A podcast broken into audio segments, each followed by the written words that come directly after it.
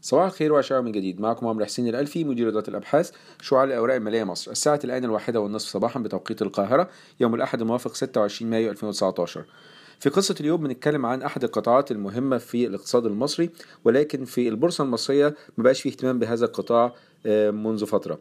القطاع النهاردة بنتكلم عن قطاع الأسمنت المصري.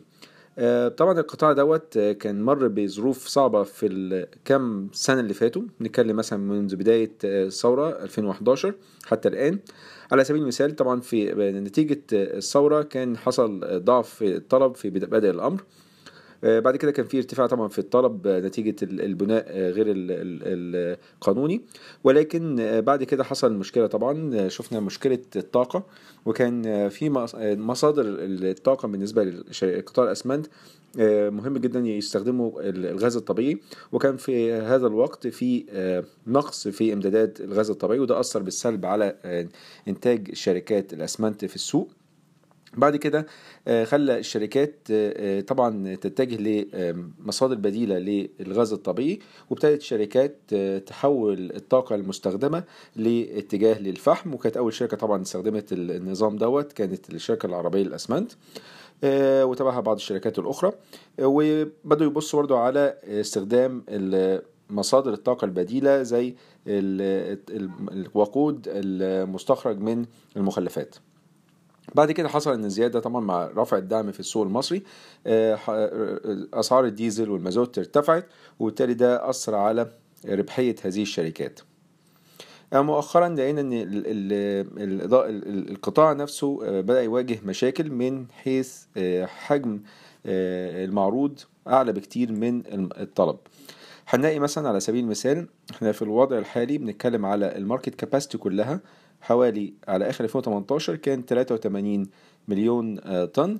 بعد ما حصل إن زيادة حجم الإنتاج عن طريق شركة العريش للاسمنت اللي زودت الإنتاج بتاعها آه، في الفترة الأخيرة أو زودت ال- السوق آه، بحوالي وصلت ل 19 مليون طن على ال- ال- المصنعين بتوعها اللي في العريش واللي في بني سويف.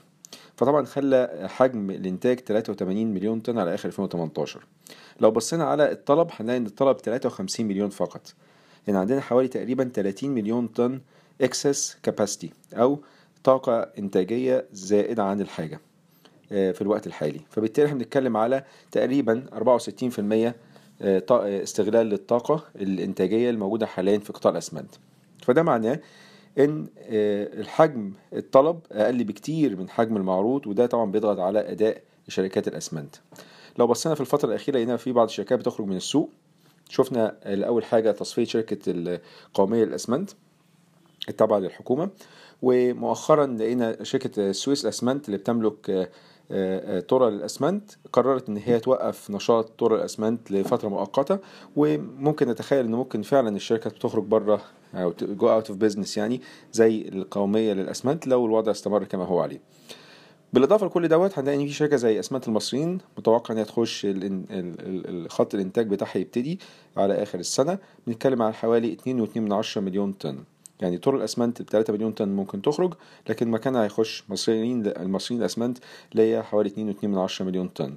ف still هنلاقي إن إحنا حجم برضو ال supply عالي جدا. طيب آه، حجم ال supply دوت بالرغم من كده لقينا في الربع نتائج الربع الأول آه، بعض الشركات كانت عملت أداء آه، من حيث المبيعات أعلى من سنة على سنة. هما شركتين أساسيتين بصينا عليهم اللي هو شركة مصر اسمنت قنا و Sinai أو أسمنت سينا. هنلاقي إن هم ارتفاعهم دوت ارتفاع آه نسب كبيرة ولكن لو بصينا على حجم الاستغلال بتاع ال- ال- الطاقة الإنتاجية بتاعتهم هنلاقي إن هو منخفض جدا. أسمنت سينا آه، بالرغم من ارتفاع ال- المبيعات والإنتاج هتلاقي إن هي بتستغل فقط 44% من الطاقة الإنتاجية بتاعتها. وسمنت مصر سمنت إنا أو أسمنت مصر آه، أسمنت آه، إنا مصر آه، هنتكلم إنها بتستغل حوالي 55% فقط من الطاقة الإنتاجية بتاعتها. طيب لو بقى بصينا على الاوفر اول المبيعات في الر- الربع الأول 2019 حتى الآن للشركات اللي عملت آه، آه، أعلنت عن النتائج بتاعتها هنلاقي ان المبيعات قلت سنة على سنة ب 6% يعني ارتفاع أو المبيعات سنة على سنة كان في انخفاض 6% وصل الانتاج المبيعات بحوالي لحوالي 12.4 من عشرة مليون طن. ده نتيجة إيه؟ نتيجة انخفاض المبيعات المحلية بحوالي 6.6 من عشرة ملي- آه، في المية. وارتفاع التصدير بحوالي 7% طبعا التصدير لا يمثل إلا 1% فقط يمكن من حجم المبيعات فبالتالي طبعا ده لا يؤثر بأي شيء على حجم المبيعات آه، ككل. فبالتالي لقينا المبيعات نزلت ب 6% مبيعات نزلت ب 6% ولقينا أيضا إن الأسعار نزلت بحوالي 15% في المتوسط آه، من حوالي 971 جنيه للطن في الربع الأول 2018 ل 828 جنيه للطن في الربع الأول 2019 هنلاقي يبقى في انخفاض في حجم المبيعات في انخفاض في سعر الطن الأسمنت طبعا نتيجة ضعف الطلب على على الأسمنت زائد إن هو المعروض عالي جدا. آه، وبالتالي لقينا في انخفاض في حجم المبيعات. بنتكلم أو الإيرادات يعني بنتكلم تقريبا يعني في المتوسط ال- ال- المرجح هتلاقي نزلت الإيرادات سنة على سنة بحوالي 16% طب ده معناه إيه في الفترة القادمة؟ الفترة القادمة هنشايف شايفين إن إحنا هيبقى في استمرارية للأداء السلبي للقطاع إحنا من منذ بداية ال- العام آه، حتى الآن ال- أسهم قطاع الأسمنت في انخفاض آه، بصورة كبيرة. عملت أداء سلبي مقارنة بال EGX 30 والسوق ككل. آه، الأداء السلبي دوت بس مش من أول السنة لكن في خلال السنة والثلاث سنين اللي فاتوا كان القطاع الأسمنت عمل أداء سلبي. فاحنا متوقعين إن مع زيادة أسعار الطاقة برضو الفترة القادمة آه، هنلاقي مع استمرار إن في طاقات إنتاجية داخلة مع استمرار إن في عندنا الطلب ضعيف مقارنة بالمعروض والمعروض عالي آه، هنلاقي إن إحنا بنشوف آه، يعني الضغط على هوامش ربحية هذه الشركات. وبالتالي آه، بنفضل إن إحنا نبتعد عن هذا القطاع لأن طبعا ما زال في هناك مشاكل تشغيلية وهيكلية في القطاع نفسه.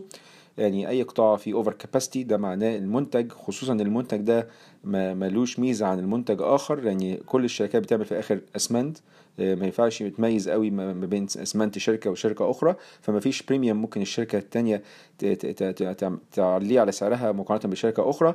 آه، إلا اللهم لو كان حسب ال location أو ال- اللي هي قربها أو بعدها عن السوق اللي هي بت- بتبيع فيه. فعندنا مشكلة في ال over supply عندنا شركات ممكن تخرج آه ولكن still خروجهم ده مش هيبقى كافي إنه يخلي حجم ال supply أو الطاقة الانتاجيه في السوق آه، تنخفض. عندنا ال demand لسه ضعيف. عندنا آه، طبعا ال demand ضعيف ده بيؤدي طبعا إلى ضعف في الأسعار. إيه اللي ممكن يحصل الفترة القادمة عشان يحسن الوضع دوت؟ لو حصل إن خروج كبير من شركات الأسمنت ودي هتبقى صعبة إن كل الشركات دي تخرج طبعا لكن ممكن نشوف شركة زي طرة تخرج من السوق. بس still برضو مش ده اللي هيأثر في حجم ال supply ممكن نتيجة القصة دي كلها إنه يبقى في عمليات اندماجات واستحواذات ما بين الشركات وبعضها علشان يواجهوا التكاليف العالية اللي عليهم اللي هو خلى الشركات تعمل خسائر في الربع دوت مقارنة بالأرباح اللي عملتها السنة اللي فاتت. لو جينا بصينا على التقييمات بتاعة الشركات آه، ما نتخدعش بالاخر 12 شهر نتائج آخر 12 شهر لأن اللي يهم أكتر طبعا ال- الأرباح المتوقعة. الكونسنسس أو ح- آه، إجماع الآراء في السوق على الشركات المدرجة في السوق هنلاقي إن هو الناس بتدي آه، محللين بيدوا تقييمات عالية للسويس الأسمنت وتقييمات عالية برضو للعربية الأسمنت ولكن آه، زي ما نقول هو لو سهم رخيص دلوقتي هو رخيص لكن هو ممكن يكون رخيص لكن في قطاع آه، اتجاه أو ال- الوضع بتاعه مش جيد. يعني في آه، زي ما نقول آه، صورة قاتمة بالنسبة للقطاع مأثرة على القطاع ككل بغض النظر لو في أسهم رخيصة أو آه، تكون مغرية فبالتالي بنفضل إن إحنا نبتعد عن هذا القطاع في. في الوقت الحالي لحد لحد حد اشعار آخر إن شاء الله. شكرا لكم والسلام عليكم ورحمة الله وبركاته.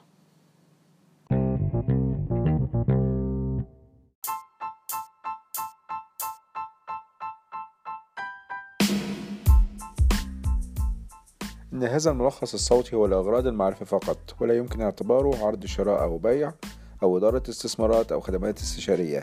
ينصح باستشارة مستشارك المالي قبل اتخاذ أي قرار استثماري.